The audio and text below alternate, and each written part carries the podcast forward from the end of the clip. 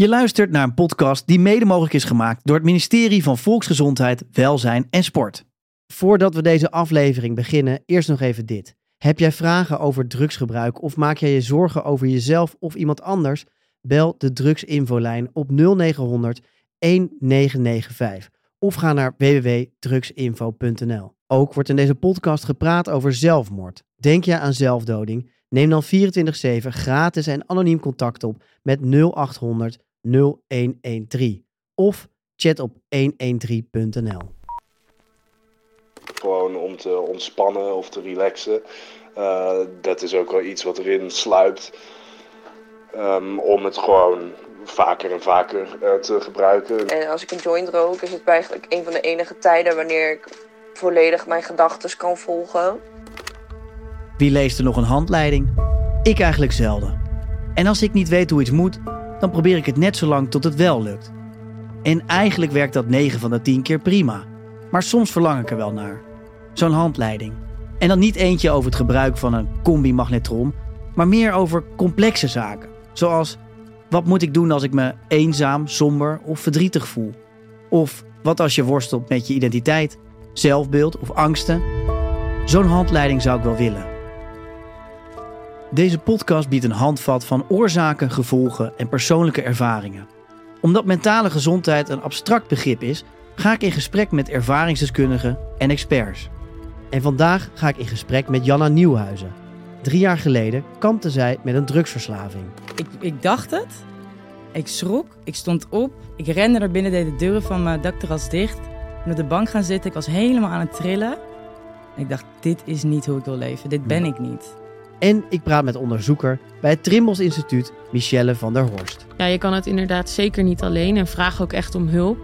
Uh, ik denk dat je het vooral moet doen bij vrienden met wie je comfortabel voelt. Zo kunnen we samen een handleiding vormen. En vandaag luister je naar de handleiding tegen verslaving en middelengebruik.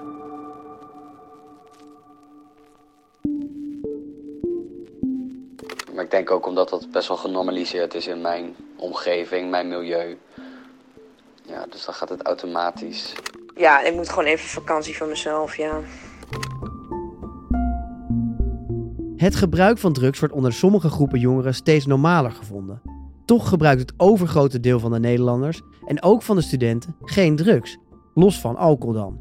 In bepaalde kringen is drugsgebruik wel genormaliseerd en wordt het niet heel anders gezien dan een drankje.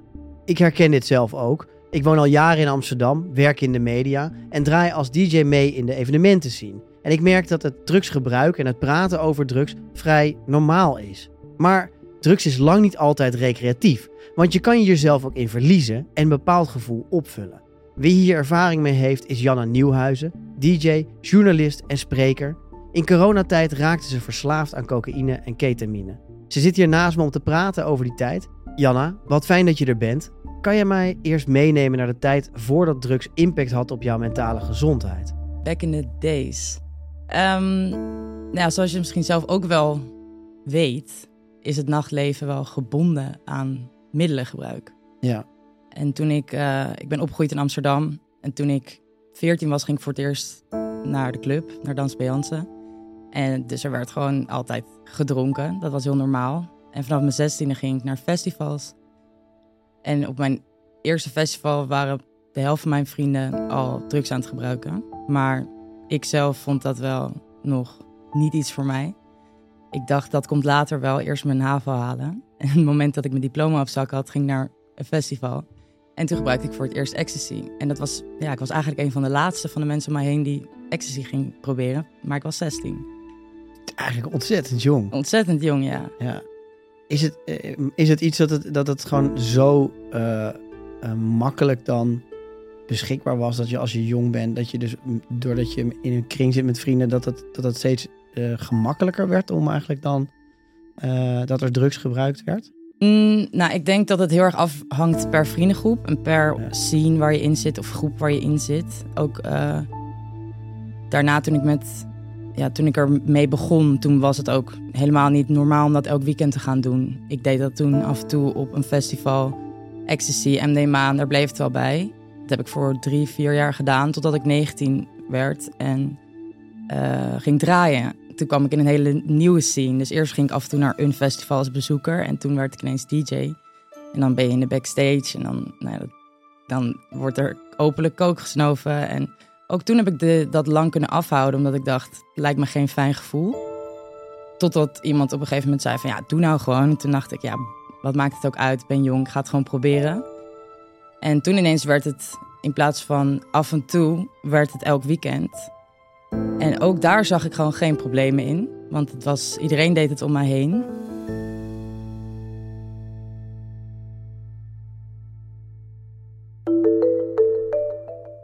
Als ik nuchter ben, dan over het algemeen ook kan ik beter tegen groepsdruk. Je kan gewoon altijd tegen jezelf zeggen van nou, uh, ik doe even één drankje. En ja, dan ben je met veel vrienden om je heen en de shotjes komen erbij. Ja, één en één is dan twee. In mijn eigen studententijd had ik ook veel behoefte om te experimenteren. En dat hoort misschien ook bij het jong zijn. Maar ik kan me ook voorstellen dat als je je in een omgeving begeeft waar drugsgebruik genormaliseerd is, dat je dan extra vatbaar bent voor groepsdruk. Hoe ervaarde jij dat, Janna? Ja, groepsdruk zal zeker ermee te maken hebben, maar ik denk dat het ook in ons allemaal zit om gewoon heel nieuwsgierig te zijn. Heel erg benieuwd van wat is dat dan? Wat doen die mensen dan? Waar hebben ze het over?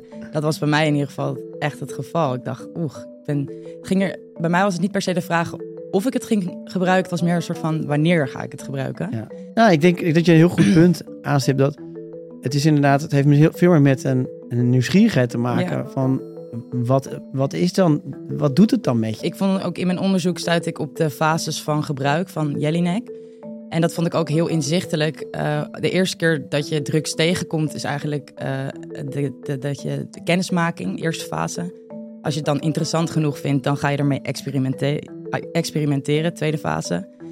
En dat is als je uh, een middel 1, 2, 3 keer gebruikt. En vervolgens, als het je bevalt, ga je naar de recreatieve fase. En ik dacht dat ik in de recreatieve fase zat, omdat ik dacht, ik doe het gewoon af en toe. Maar die af en toe werd eigenlijk uh, elk week. Elk weekend deed ik het wel. Dus dat is niet meer recreatief te noemen eigenlijk. Dat heet dan gewoonte. Ja. En gewoontegebruikers, dat je dus een feest of een plek gaat associëren met de drugs die je daar gaat gebruiken.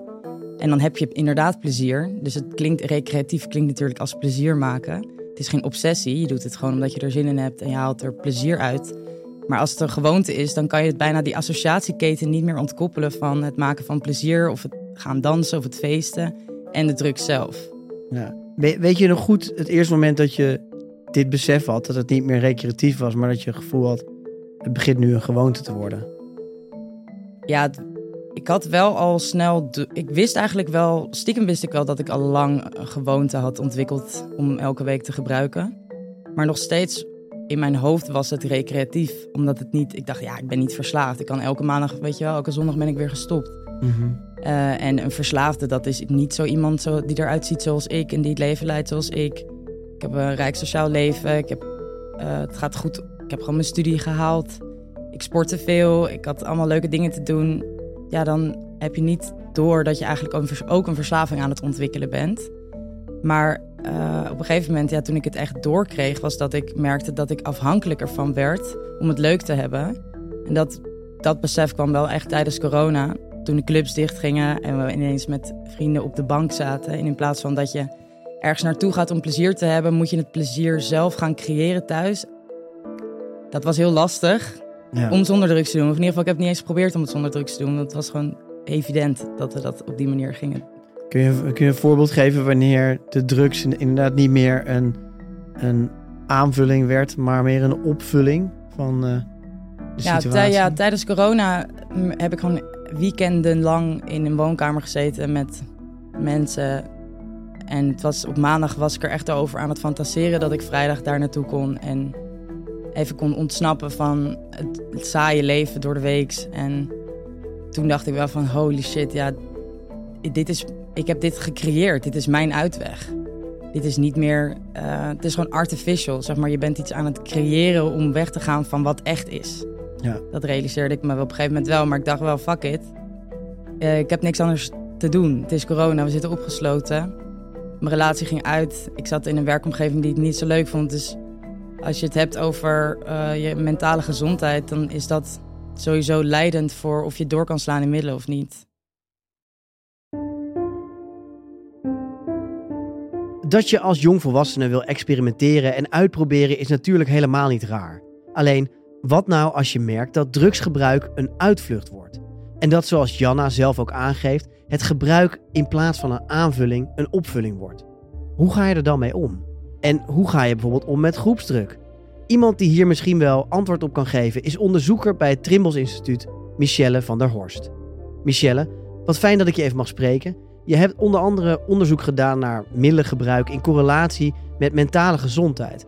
Wat kwam je hierin tegen? Ja, als we kijken naar de link tussen mentale gezondheid en middelengebruik, en het is lastig hè, van wat kwam eerst? Had je eerst mogelijk wat problemen? Ging je daardoor gebruiken of ging je aan uh, alcohol drinken om met je mentale gezondheid om te gaan? Zien we uh, dat het eigenlijk beide kanten op kan gaan. Studenten uh, of jongeren bijvoorbeeld zeggen van ik heb heel veel stress vanwege mijn school of mijn studie. en dat je dan in de avond alcohol of iets anders nuttigt om daarmee om te kunnen gaan. Of juist de andere kant op. Dat je wat gebruikt en dat je door meer gebruik last krijgt van bijvoorbeeld slaap. Ja, um, drugsgebruik kan in eerste instantie onschuldig beginnen, dat het gewoon als uh, recreatief. Maar um, wanneer herken je dat het juist gevaarlijke verschijnselen heeft? Ja, recreatief is altijd lastig om ook voor jezelf in te schatten. ga je echt, ja, gebruik je het een paar keer of kun je eigenlijk niet meer naar de kroeg zonder bijvoorbeeld. Het is goed om te kijken van wat, wat voor gewoonte is het. Heb je ook dat je met vrienden kan afspreken zonder bijvoorbeeld alcohol te drinken? Of kun je ook naar een festival zonder drugs te gebruiken? Dat zijn wel vragen die belangrijk zijn om jezelf af te, uh, af te vragen. Mm -hmm. um, en heb je wel eens gehad dat iemand tegen je zei van... hey, gebruik misschien wat minder. Of dat je het jezelf voornam van... Hé, ik zou wel eens wat minder willen gebruiken... en dat je dan toch wel weer ging gebruiken op die avond. Dat zijn wel eerste signalen dat uh, het mogelijk ja, niet meer zo recreatief is als je eigenlijk zou willen. Ja. Is het iets waar jongeren moeilijk over praten? Als drugsgebruik nu steeds normaler lijkt te zijn, is het dan ook makkelijker om erover uh, over te praten? Ja, uit de cijfers zien we nog niet per se dat het normaal is om drugsgebruik. Het merendeel gebruikt niet. Mm -hmm. uh, alcohol daarentegen gebruikt het merendeel wel van de jongeren. Um, en dan is het vooral belangrijk om het gesprek aan te gaan uh, en dan niet van, uh, hey, gebruik je ook? Dat je dus eigenlijk indirect een soort groepsdruk uitoefent of groepsinvloed om ook te gaan gebruiken. Ja. Maar dat je eerder vraagt van, hey, ik merk eigenlijk dat je de laatste best wel wat meer gebruikt. Ik maak me er eigenlijk best wel zorgen om. je zegt ook slecht te slapen of problemen te hebben met je studie. wil je het daar een keertje over hebben? Ja. En we zien wel in bepaalde kringen dat er studenteninitiatieven opstaan om daar meer het gesprek over aan te gaan. En dat is alleen maar goed. Maar we willen dan wel dat die gesprekken ook goed worden gevoerd. Dus we werken ook gelukkig met hen samen om te kijken hoe je dat gesprek echt goed kan voeren. Uh, en dat die zorgen ook kunnen leiden tot eventueel het voorkomen van problemen. Waar komt de behoefte vandaan om, uh, de, om middelen te gebruiken om, om maar niet te voelen? Ja, wat studenten bij ons aangeven is dat ze heel veel stress ervaren, prestatiedruk. Um, en dat ze eigenlijk even willen ontsnappen uit die realiteit. Uh, dat, dat kan een reden van middelengebruik zijn. Uh, ook coping. Uh, dus ook meer voor jezelf met bijvoorbeeld voor slaapproblemen. Dat je slaapmedicatie zonder recept gaat gebruiken. maar ook een grote reden is gewoon sociaal. Mm -hmm. dus op een feestje, voor de leuk met vrienden, voor binding. En we zien ook dat dat kan helpen om mentale klachten bijvoorbeeld te voorkomen. Dus dat is een hele lastige scheidslijn. Dus is eigenlijk um, bijna gebruiken studenten het om als soort stimulering van de gezelligheid. En dus denken, ja, met drugs wordt het er leuker van. Ja, dat is een van de redenen dat ze, dat ze gebruiken om ja. op, op een feestje ook nieuwe avonturen te beleven. Ja. Um, of voor je gezelligheid met vrienden. Uh, wanneer je meer kijkt naar die coping, hè, of omgaan met mentale problemen of andere klachten. Uh, dat zijn wel de situaties waarin het tot problemen kan leiden. Ja. Uh, omdat als je dat te lang blijft doen, leer je jezelf dat aan en dan kan je op een gegeven moment niet meer zonder. Uh, dus ja, dat zijn, daar zouden wij dan graag het gesprek mee willen aangaan. Um, wat gebeurt er in je brein als je stelselmatig uh, drugs gebruikt? Ja, je hebt verschillende soorten drugs. Hallucinerende drugs, stimulerende drugs of verdovende middelen. dus al die middelen werken weer net iets anders op je brein. En al helemaal als je het wat langer gebruikt ieder brein werkt ook weer net wat anders. Mhm. Dus die vraag in één antwoord te, te, beantwoorden is nogal lastig. Ja. Maar ik denk dat het vooral belangrijk is om te kijken naar de kern van waarom je gebruikt.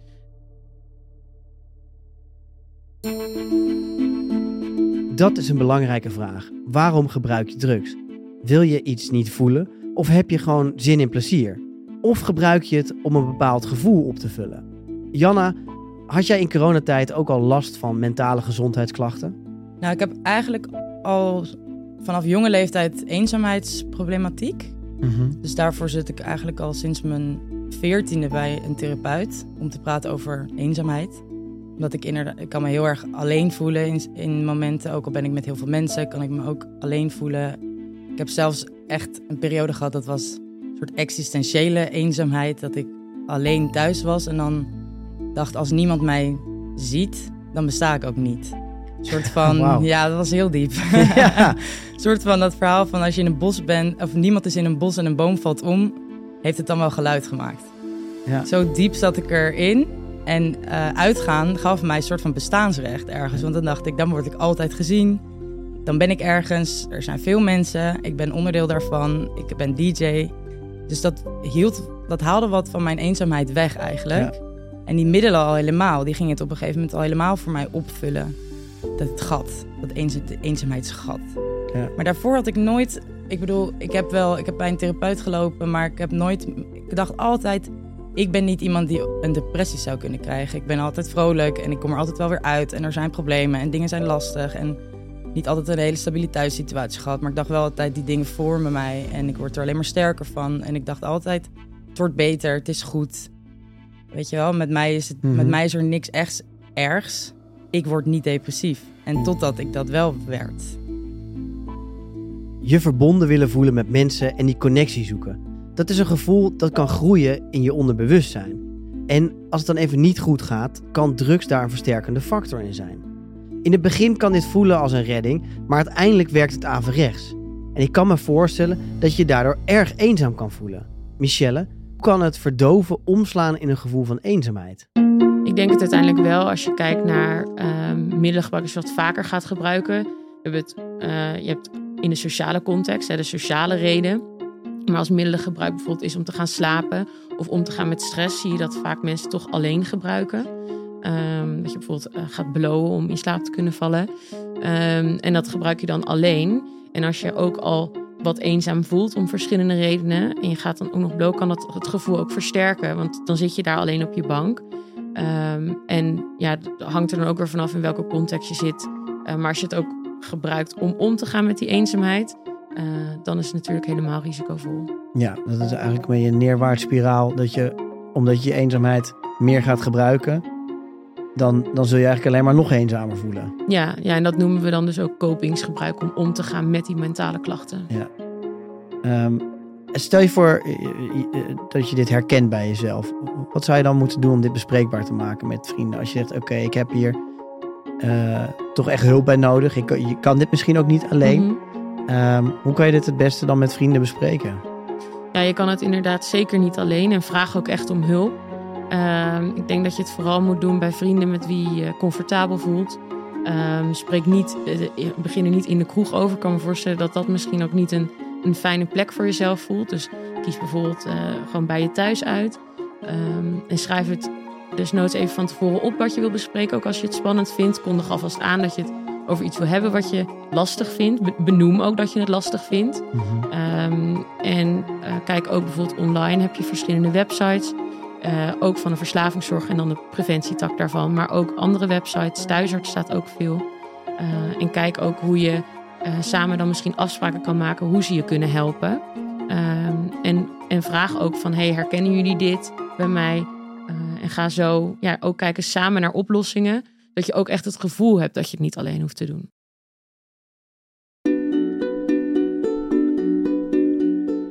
Ik kan me voorstellen dat voordat je naar hulp zoekt, je eerst je eigen problemen moet erkennen. Want anders laat je jezelf niet helpen.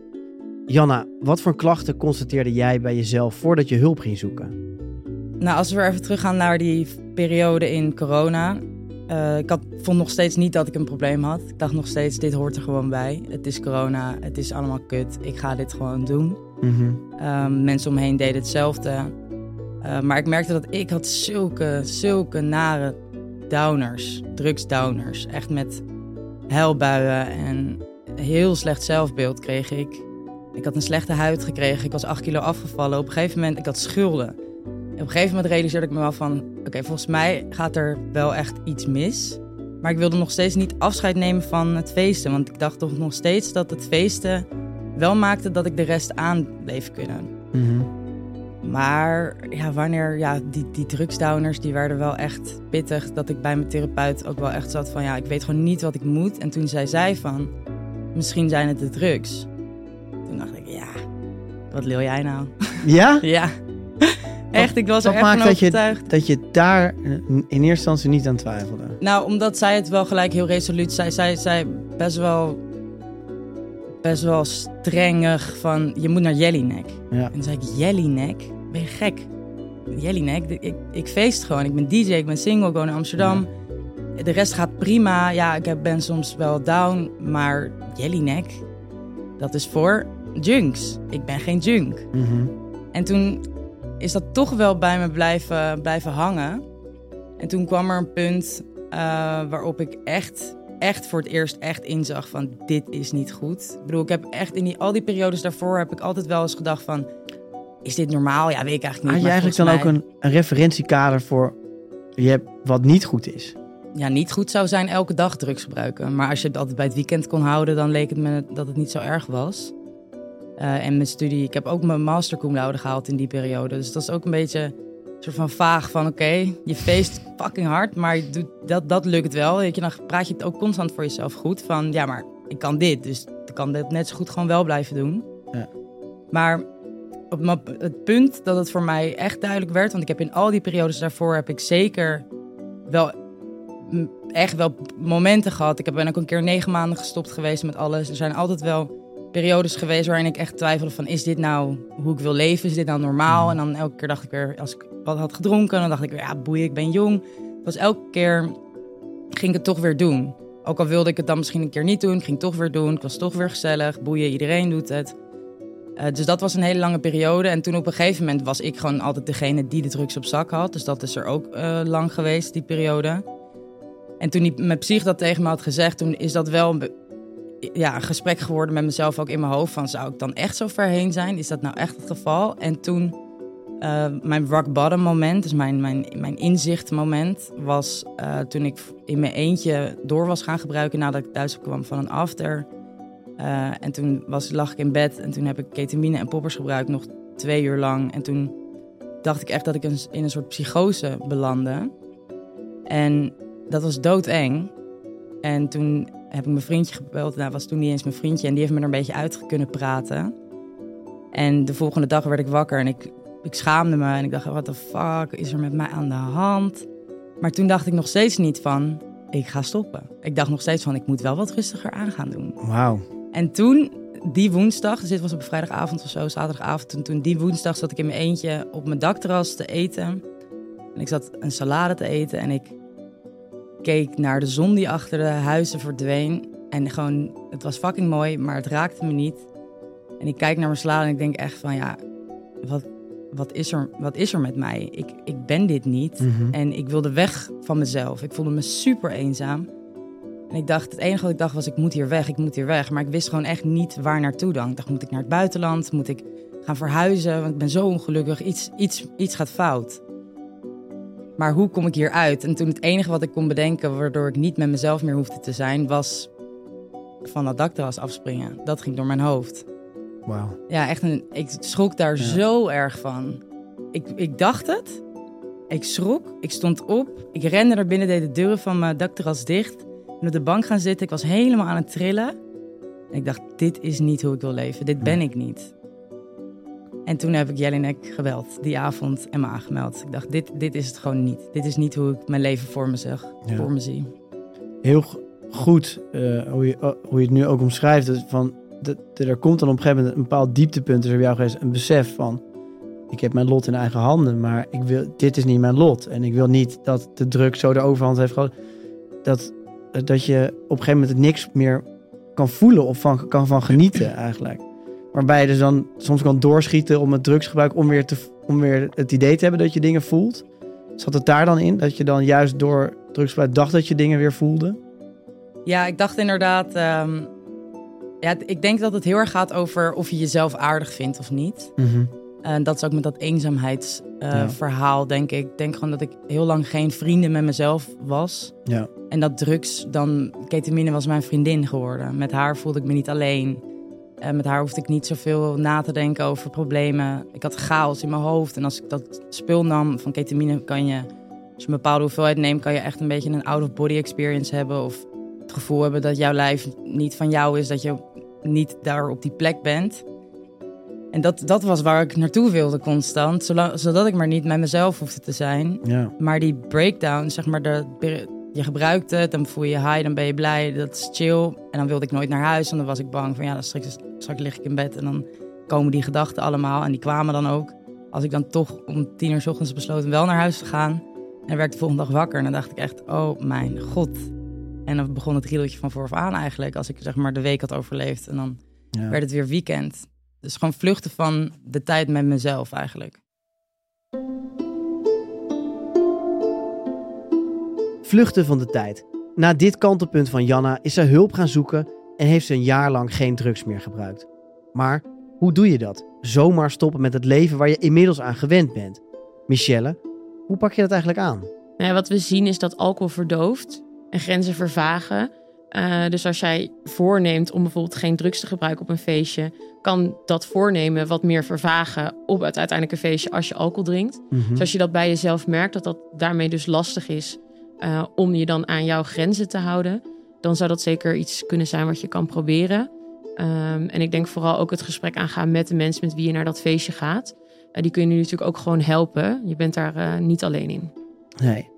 Stel je voor dat, je, dat, dat, je goed afgaat en dat je misschien ooit meer behoefte had om drugs te gebruiken, maar nu steeds bewuster daarmee omgaat. Ehm, eh, nog steeds is er, moet er ruimte zijn om af en toe wat leuke dingen doen, maar stel je voor dat het, dat, dat ineens weer omslaat en dat gevoel terugkomt. Wat, wat kan je dan het beste doen? Nou, ik denk vooral kritisch op jezelf zijn. Uh, als je toch weer middelen gebruikt, uh, dat je voor jezelf ook kijkt van... hé, hey, blijft het nu wel echt bij wat ik wil?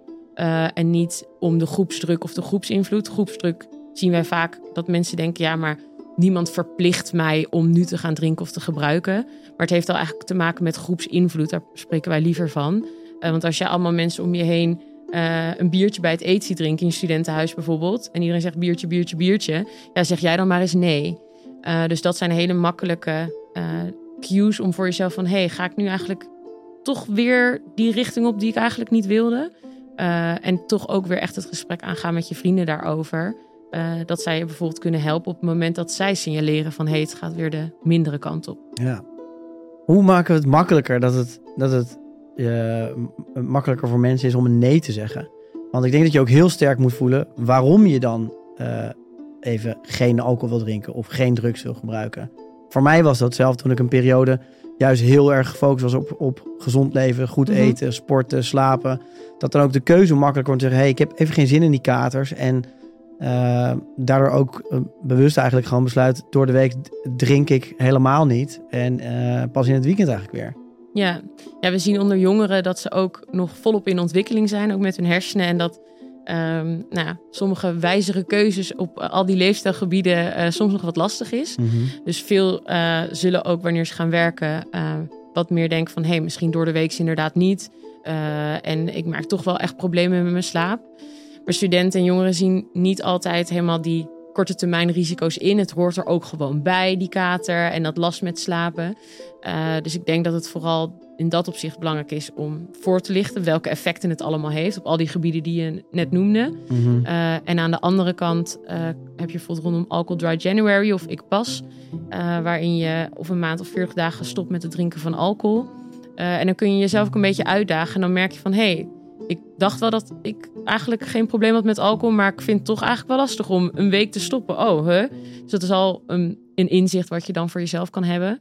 Uh, dat is wel een hele goede inderdaad. Als je uh, door dat een keer voor te nemen of, of ermee aan te van hoe, lukt het je ook daadwerkelijk? Ook een bepaald soort discipline of je dat vol kan houden. Ja, en het is ook wel interessant om bij jezelf te merken hoe vaak of zeg maar op welke momenten voor jou nou het lastig zijn. Uh, dus dat is altijd wel een, een tip die ik meegeef. Uh, en om ook eens te vragen als mensen, als je bijvoorbeeld zegt ik ga niet drinken vanavond en je zegt dat op een feestje of een borrel en mensen zeggen waarom dan niet? Stel je, maar waarom drink jij wel? Dat is eigenlijk ook wel een interessante vraag om terug te stellen. Ja. Uh, en als je over dat soort vragen wat meer nadenkt, dan kan je op het moment zelf uh, ook wat makkelijker die vragen oproepen, om het even zo te zeggen. Ja, ik, ik kies zelf nu ook gewoon bewuster waar, uh, welke avond vind ik het waard om mm -hmm. een avondje te drinken en met wie. En dat je het niet om elke gelegenheid leuk te maken, maar uh, alcohol nodig hebt.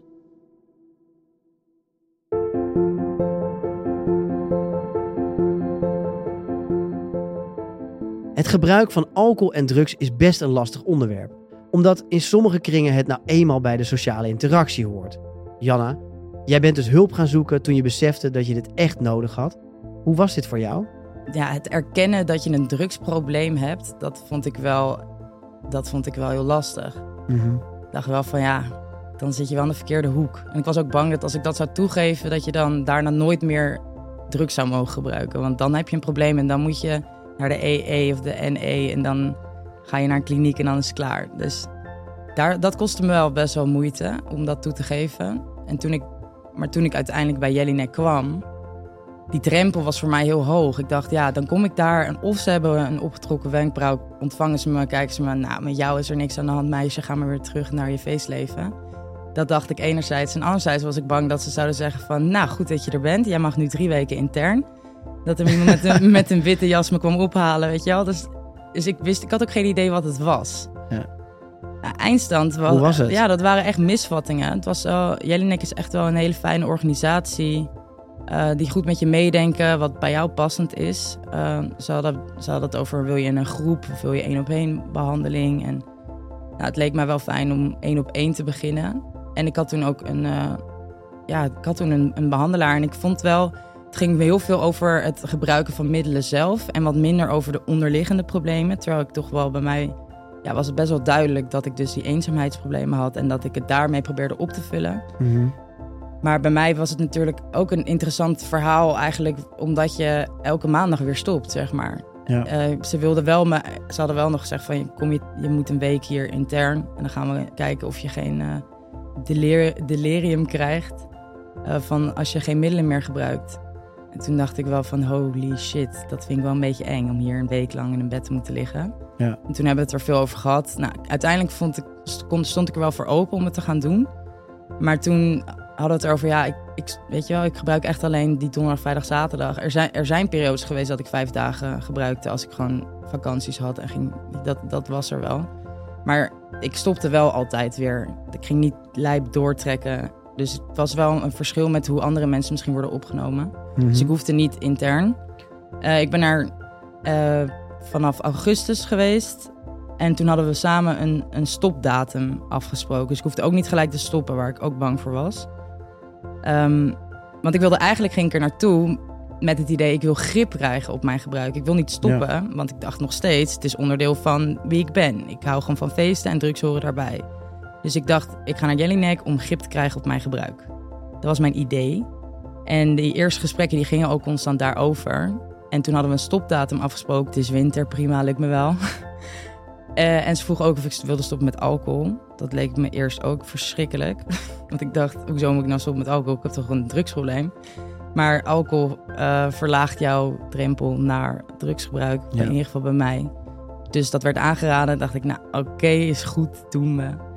Uh, en toen waren we een paar weken onderweg. En het was eigenlijk heel toegankelijk en relaxed. En ik ging er gewoon elke week heen en we hadden gesprekken.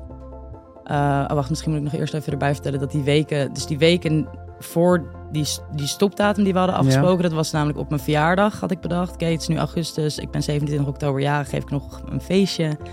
Dat is dan Ja, het uitzwaaimoment. Ga ik de stad even gedag zeggen. Ja. En um, die weken daar naartoe gebruikte ik echt meer drugs dan ooit. Ik dacht echt, oké, okay, nou, nu gas geven, want dit, dit is straks het einde. Dan mag ik een half jaar niet meer. Ja. Dan mag ik even niet meer. Wat, wat, wat leerde uh, je over jezelf in de tijd dat je uh, hulp hebt gekregen bij Jelinek?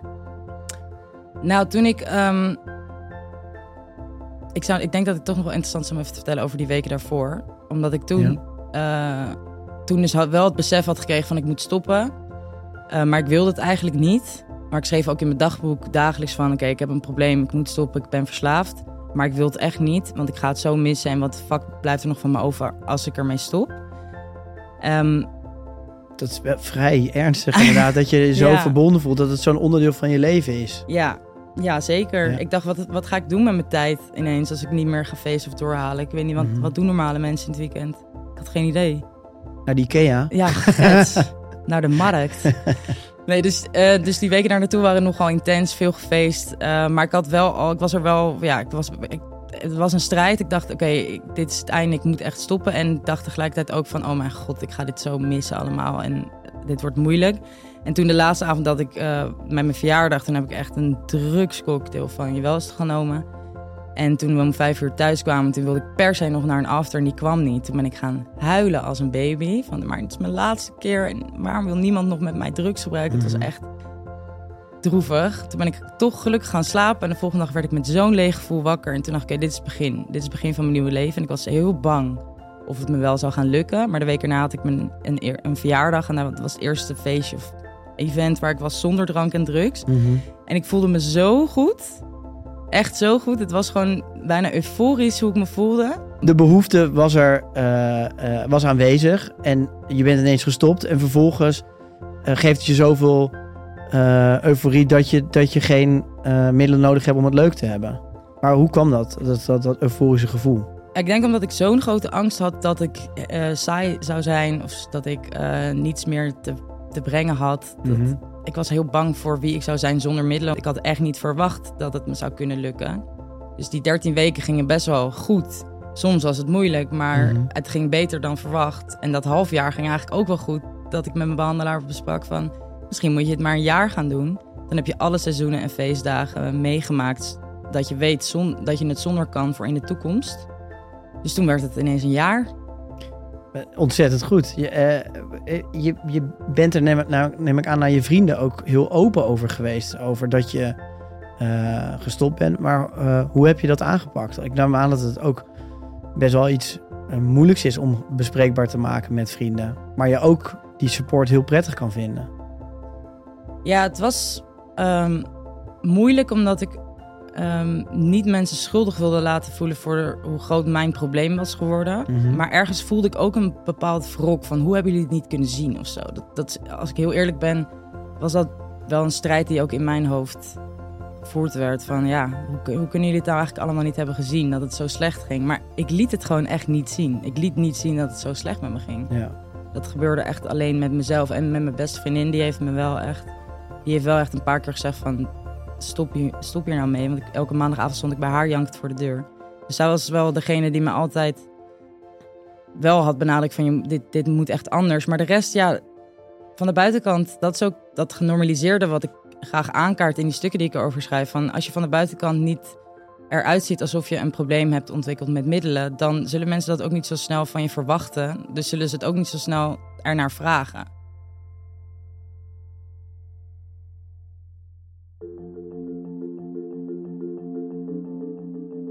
Een strijd met jezelf dus. Maar het is niet alleen een strijd met jezelf, want als je merkt dat je drugs gebruikt om ergens in te vluchten, dan heeft je omgeving misschien eerder door dat je een probleem hebt dan jijzelf.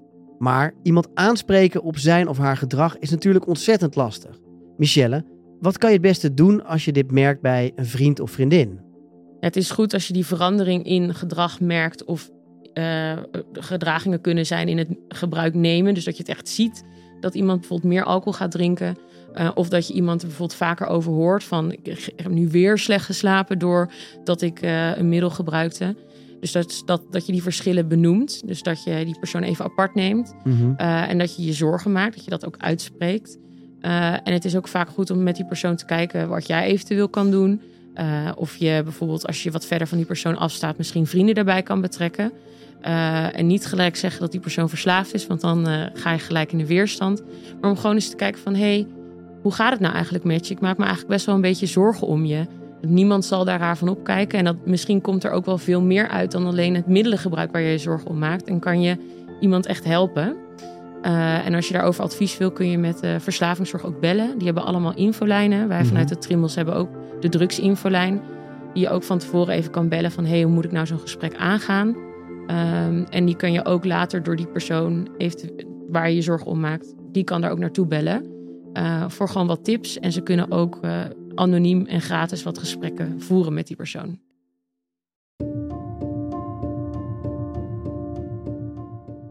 Het experimenteren met drugs en alcohol vind ik zeker leuk om te doen. Ik heb meer een behoefte om te experimenteren met nuchter zijn. Met elkaar in gesprek gaan, voorlichten en vooral het onderwerp niet vermijden. Janna, jij bent ook journalist en spreker en je praat ontzettend open over deze tijd. En daarmee maak je anderen ook bewust van hun gebruik, denk ik. Helpt het schrijven hierover jou ook in het verwerkingsproces? Ja en nee. Eh, ik vind het heel eh, fijn om eh, mijn gevoelens te verwoorden. En ik heb heel veel mooie reacties gehad van mensen die er heel veel aan hadden. Want ik ben erover gaan schrijven omdat ik het echt... ik, ik miste dit verhaal. Ja, het ging vaak over drugs en hoe erg het was... en de problemen die je ervan kan krijgen. Maar het was vaak van door iemand geschreven die helemaal niet die ervaring ermee heeft.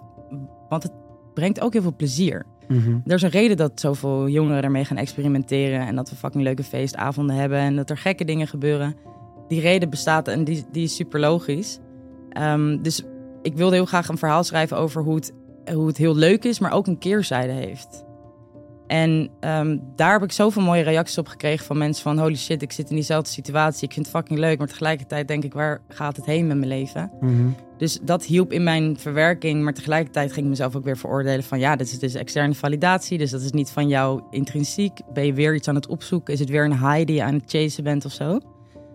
Ehm, maar de, de- over de, het grotere emotie die erbij komt kijken... is wel eh, dat ik het heel prettig vind om er open over te praten. Omdat ik zo graag ook de taboe hier vanaf wilde. Van, we hebben mentale problemen en middelen versterken dat. En eh, bij sommige mensen gaat het goed en bij sommige mensen gaat het gewoon niet goed. En daar moet je je niet voor moeten schamen. Het is gewoon normaal dat het bij sommige mensen niet goed gaat. Eh, hoe, hoe gaat het nu met je?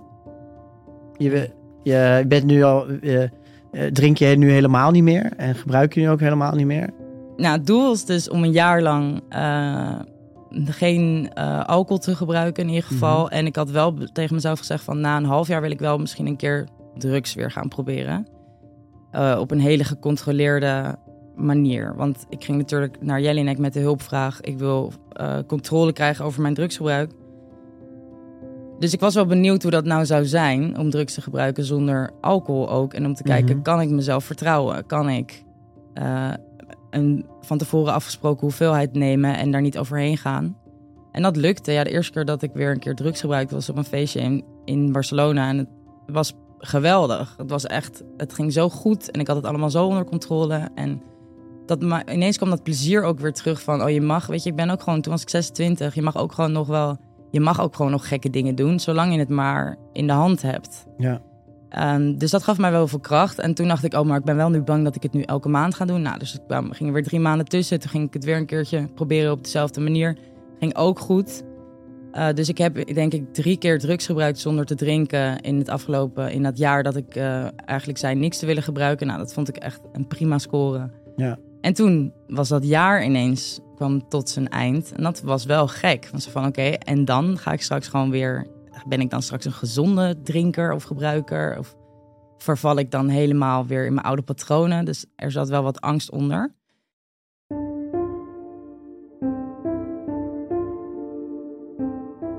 Een verbinding met jezelf krijgen. Jezelf kritische vragen blijven stellen.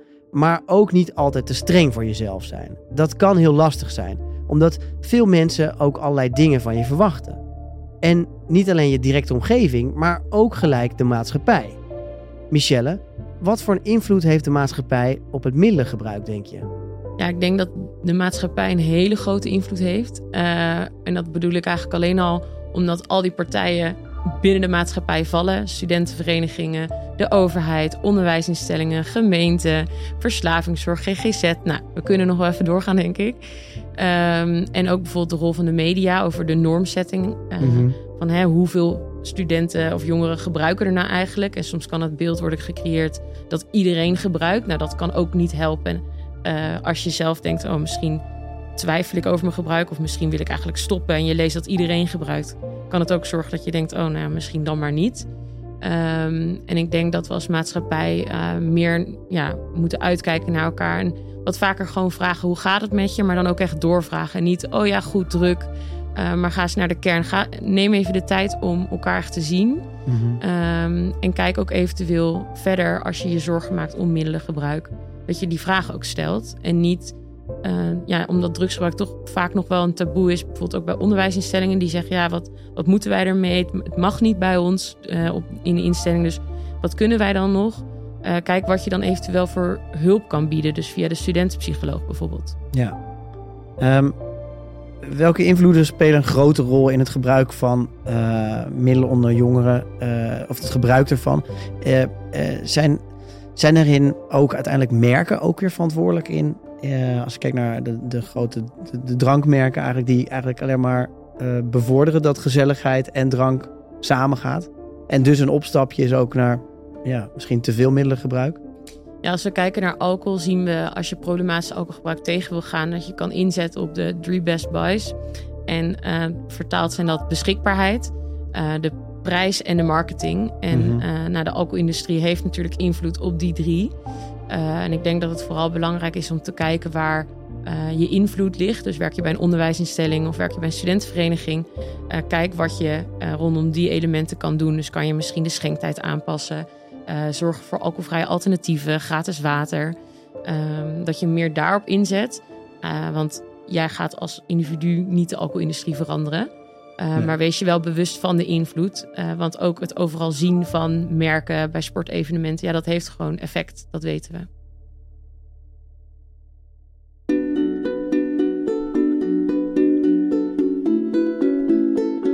Dit soort factoren spelen allemaal mee in hoe we ons gedragen. Dat kan snel voelen als heel veel. En ik kan me voorstellen dat je snel het overzicht kunt kwijtraken. En dat je in conflict komt met jezelf. Janna, heb jij tips of advies voor mensen die luisteren en misschien kampen met hetzelfde probleem als jij? Nou, waar ik vooral achter ben gekomen is dat um, wij best wel een maatschappij hebben waarin we heel veel moeten van onszelf en er is heel veel druk op presteren en het goed doen. En ik heb het gevoel dat we met z'n allen best wel eens kunnen. Ja, dat escapisme, dat weg willen van al die verantwoordelijkheden. En dat we daarom de weekenden daarvoor inzetten. Nou, mijn tip, mijn realisatie is geweest van... oké, okay, ik gebruikte altijd mijn weekenden om weg te lopen van het leven dat ik door de week had. Wat nou als ik mijn weekenden ga gebruiken voor het leven dat ik eigenlijk zou willen leiden? Dus ik draaide het om. En toen ging ik ineens dingen doen in mijn weekenden, waardoor mijn leven door de week... Ja, het was gewoon... Elke dag was leuk. Het was niet, ik leefde niet meer toe naar vrijdag. Dus dat is sowieso een concrete tip. Van ga iets leuks doen in het weekend wat niet per se met drank en drugs te maken heeft. Want dan voel je ook veel meer waar jij naartoe wil gaan in je leven en wat je wil. Mijn grootste tip, en dat is ook waar ik zelf heel erg nu mee bezig ben, is... Um, je hoeft niet uh, drugs, drank en drugs af te zwaaien voor de rest van je leven. Je kan er een bewuste relatie mee ontwikkelen. Daar geloof ik heilig in. Want dat, dat ene verzetje, dat, die ene gekke avond, de ene keer weet je, er gebeuren de raarste dingen. Dat hoef ik jou ook niet te vertellen als je lam bent of als je naar de kloten bent. En die dingen horen bij het leven en die geven het ook een beetje een, een edginess die je nodig hebt. Maar wees bewust van de dingen die je neemt en gebruikt en drinkt. En uh, als iemand je iets aanbiedt, ik, zeg, ik zeg op alles ja. En nu denk ik, weet je wel, dat, dat slaat gewoon nergens op. Denk, nou, wat stop ik in mijn lijf? Gaat dit mij nu leuker maken of minder leuk? Heb ik hier nu zin in of heb ik hier geen zin in? Dus die bewuste houding, zeg maar, wat is goed voor mij op dit moment? Als je dat kan meenemen, ook in je, in je partygedrag, dan denk ik ook echt dat drugs nog steeds een toevoeging kunnen blijven aan je leven als je het een keer wil doen. Ja. Um, maar wees gewoon, wees, wees lief voor jezelf. Dat is ook echt. En praat met elkaar.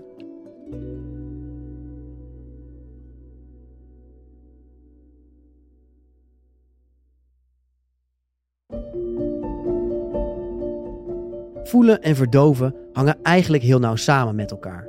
Je verdooft je gevoelens en je wilt je fijn voelen door te verdoven. Dat is in principe iets heel menselijks. Want, wat Michelle ook al zei, als je stress of druk ervaart of er vallen bepaalde gewoontes weg, dan kan je de behoefte krijgen om te ontsnappen. En hier wordt het ingewikkeld. Want ontsnappen betekent niet meteen verliezen. Voor mij ligt de kern eigenlijk bij de verbinding.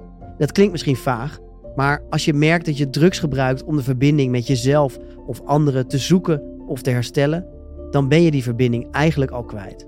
Maar dan moet ik ook denken aan de woorden van Janna. Het is niet zo dat je helemaal niet mag experimenteren. Alleen, zodra je merkt dat het gebruik een opvulling wordt in plaats van een aanvulling, dan kun je terechtkomen in een spiraal waar je lastig uit kan komen. Dit was de handleiding tegen verslaving en middelengebruik. Ik wil mijn gasten Janna en Michelle bedanken voor hun expertise en openhartigheid. En ik wil jou vragen: heb jij een aanvulling op deze handleiding of heb jij een suggestie voor een thema waar jij een handleiding voor nodig hebt? Laat het mij weten via Instagram. Want één ding is zeker: deze handleiding komt nooit af.